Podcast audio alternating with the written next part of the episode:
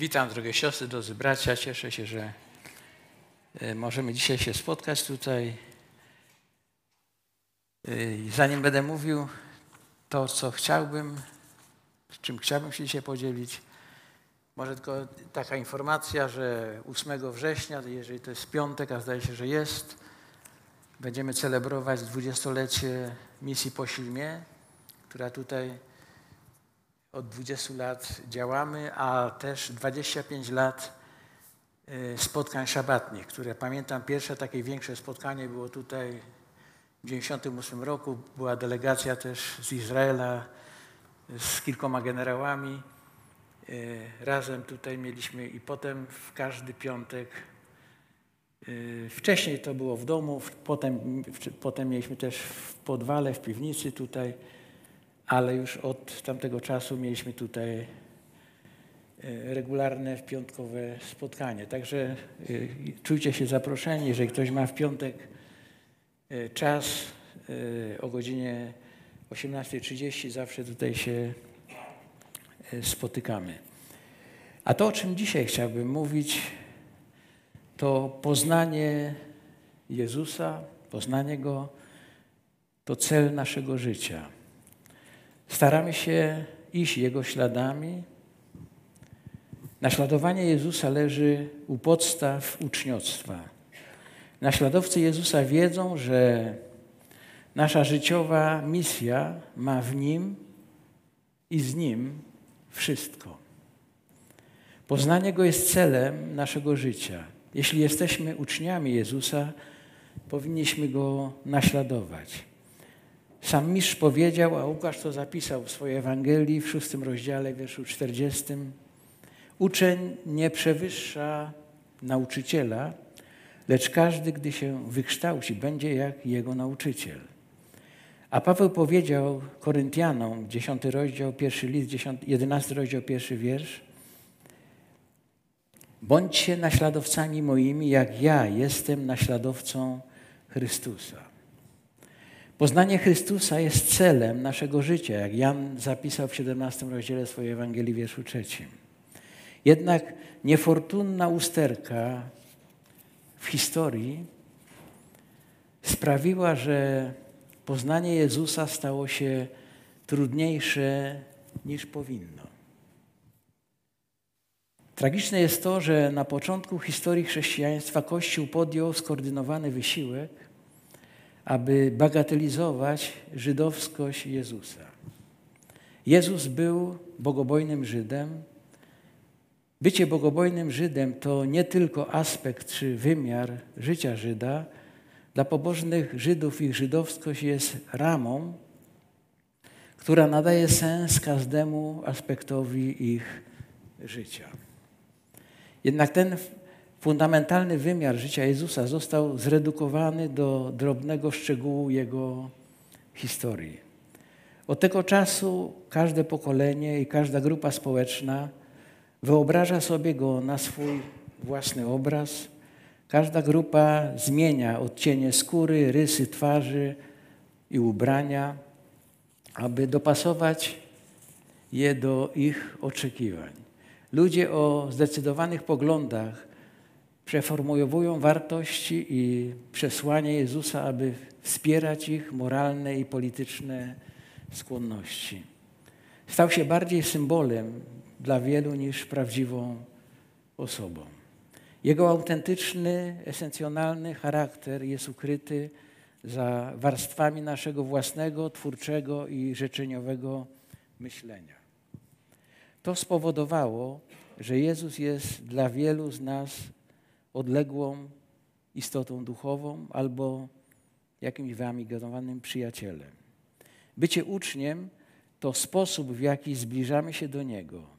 A kiedy to robimy, cel naszego życia staje się rzeczywistością.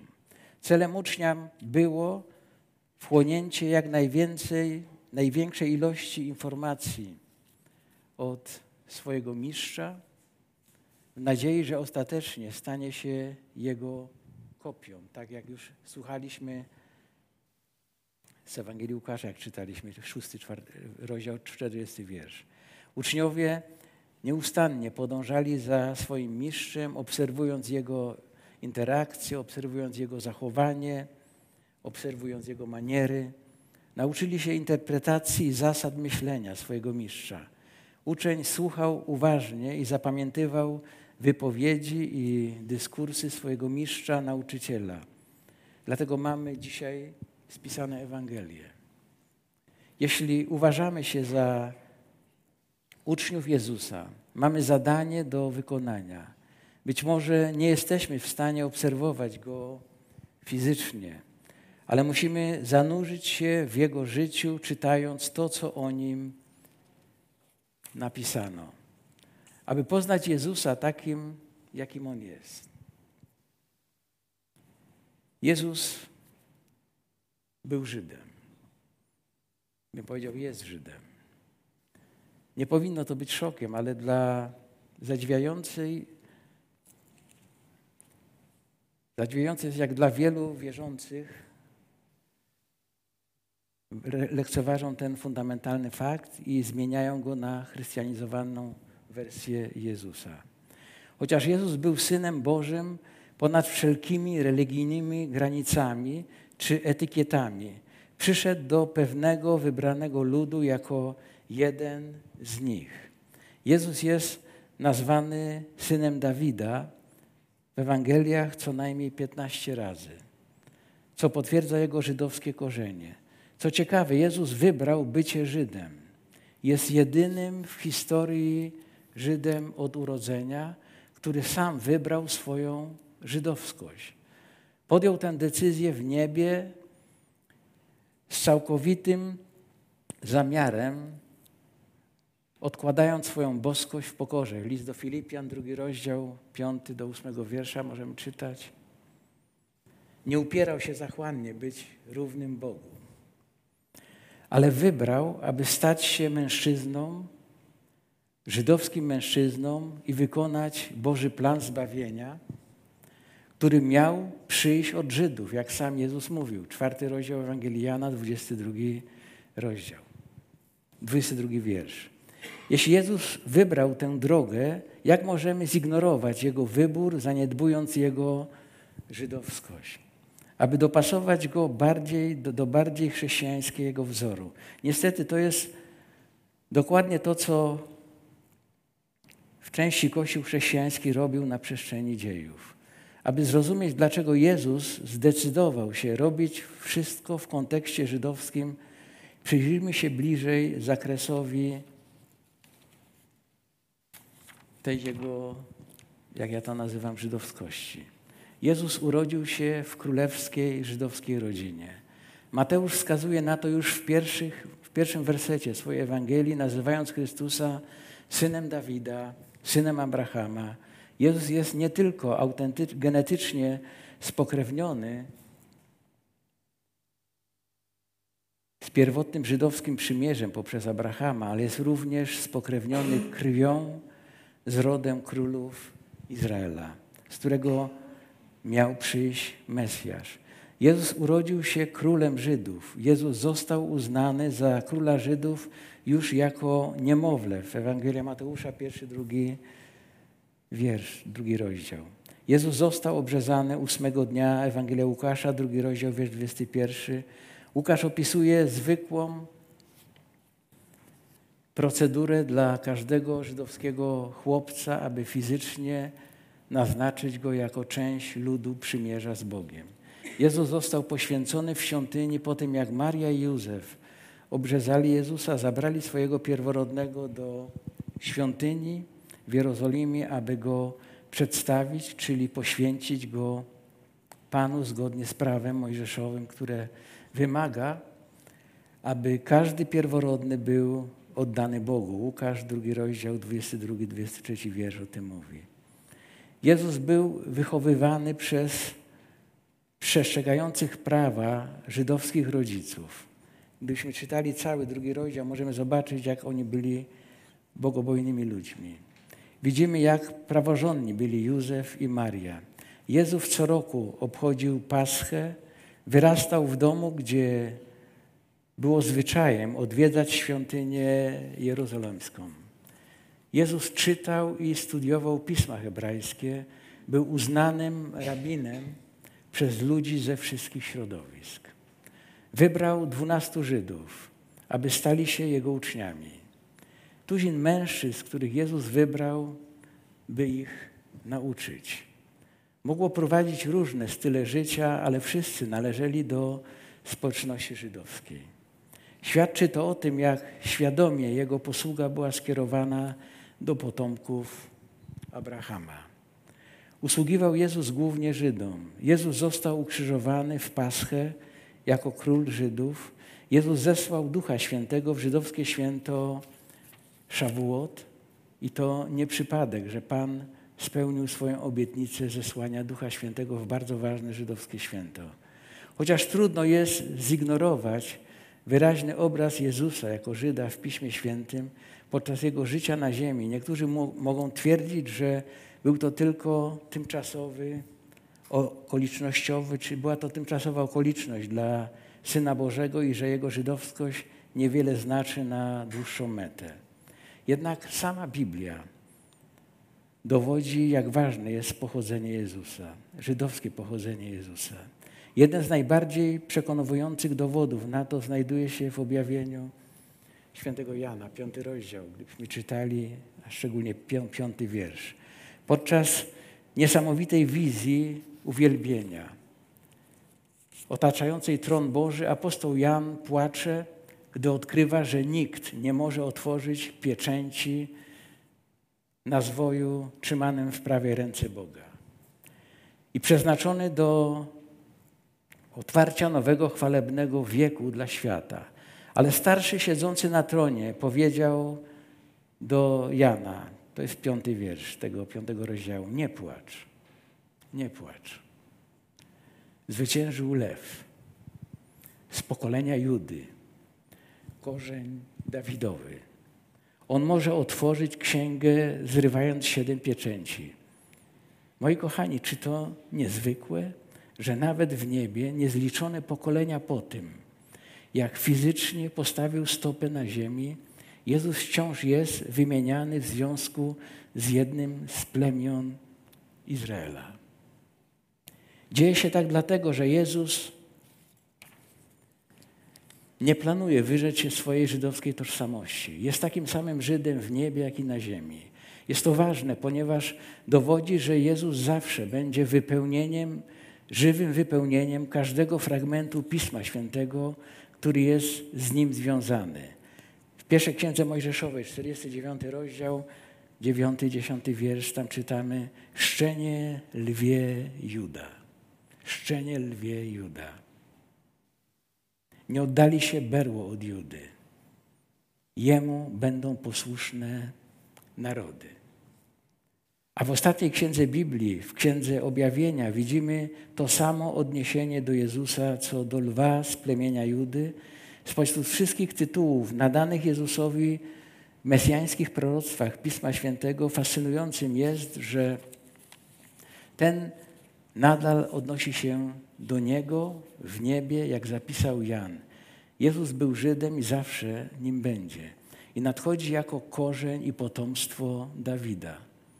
Ten sam opis znajduje się w jego ostatnich słowach zapisanych w Biblii.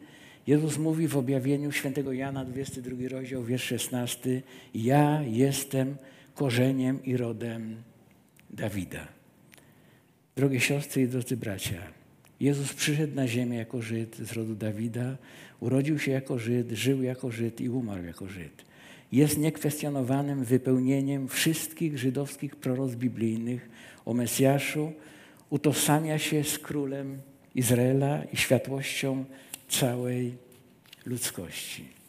Jako wierzący musimy zaakceptować tę, zaakceptować żydowskość naszej wiary i radować się nią. Musimy pamiętać i być gotowi do dostarczenia dowodów na, że nasz Zbawiciel był i jest Żydem. Jezus urodził się Żydem po to, aby uciszyć wszelką dumę narodową i rasową w tym dumę żydowską. Urodził się jako Żyd, aby doprowadzić każdą rasę i każdą grupę etniczną do pokornej zależności od miłosierdzia. Urodził się jako Żyd, aby każda rasa radowała się miłosierdziem, a nie ilością melaniny czy pigmentu. Aby każda grupa etniczna była bardziej zadowolona z miłosierdzia niż z własnych tradycji etnicznych i aby każda narodowość bardziej się radowała z łaski niż z cech narodowych. Jezus urodził się jako Żyd, aby stłumić wszelkie przechwałki o wyższości etnicznej. W jakim celu Bóg łączy się z Izraelem poprzez przymierze i z żydowskim Mesjaszem poprzez wścielenie? Dokąd to wszystko prowadzi? Dlaczego wszystko idzie tak, jak jest? List do Rzymian, 11 rozdział. Paweł tam trochę o tym pisze. I posłuchajcie, 17 i 18 wiersz. Tam jest mowa w tym fragmencie, że jest drzewo oliwne i z tego drzewa oliwnego, szlachetnego drzewa oliwnego, niektóre gałęzie zostały odcięte. Te gałęzie to ci Żydzi, którzy nie rozpoznali w Jezusie swojego Mesjasza. A też niektóre gałęzie z dzikiego drzewa oliwnego. Dzikie gałązki zostały wszczepione do tego drzewa, to znaczy ludzie z narodów, nie Żydzi, którzy uwierzyli, że Jezus jest Mesjaszem. Ale posłuchajcie dalej. Pamiętajcie, tam Paweł mówi, żeby się nie chełpić, żeby nie być dumny z tego powodu. Pamiętajcie, że to nie wy podtrzymujecie korzeń. Mówi do tych gałęzi, które są wszczepione. Ale korzeń trzyma was, mówi Paweł korzeń cię trzyma. Oznacza to, że zaangażowanie Boga w Izraelu jest powodem, dla którego jesteś zbawiony. Ten, całe te gałęzie, wszystkie to jest Kościół. A Bogu, Bóg troszczy się o korzeń cały czas, który to wszystko podtrzymuje.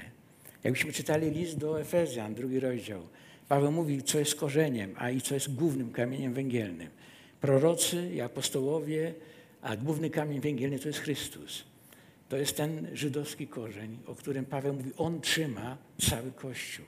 Dlatego Bogu tak zależy, żeby to na tym stało. I mówi do, do tych gałęzi, pamiętaj, że nie ty to trzymasz, ale korzeń trzyma ciebie. Oznacza to, że zaangażowanie Boga w Izraelu jest powodem, dla, dla którego jesteśmy zbawieni. Ponieważ przyłączyłeś się do tego korzenia. Jeśli jesteśmy Jego uczniami, mamy zadanie do do wykonania. Musimy zanurzyć się w Jego życiu, czytając to, co o Nim napisane, a też zrozumieć to, co On nauczał. Jeśli podejmiemy to wezwanie, Jezus nie będzie już wyamiginowanym przyjacielem, On będzie Twoim rabinem, będzie Twoim mistrzem, a Ty staniesz się Jego oddanym uczniem w misji zmiany świata. Poznanie, poznacie Jezusa takim, jakim naprawdę jest królem Żydów, poczuje się tak, jakby był prawdziwą osobą w Twoim życiu. Zyskasz umiejętność zastosowania Jego nauk w praktyce w nowy sposób.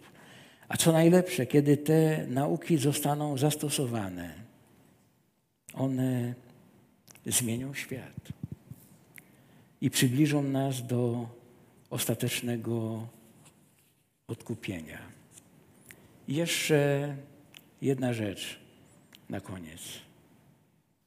My wierzący powinniśmy rozumieć nie tylko kontekst swojej przeszłości, ale też rozumieć kontekst przyszłości. Jedyne wejście do Nowego Jeruzalem prowadzi przez 12 bram, na których widnieje 12 imion pokoleń izraelskich. Kamienie węgielne jego murów noszą inskrypcje z imionami dwunastu żydowskich apostołów baranka, jak czytamy w objawieniu. Jeszcze raz powiem, kiedy te nauki, które Jezus zostawił, które mamy w Ewangeliach, zaczniemy stosować w życiu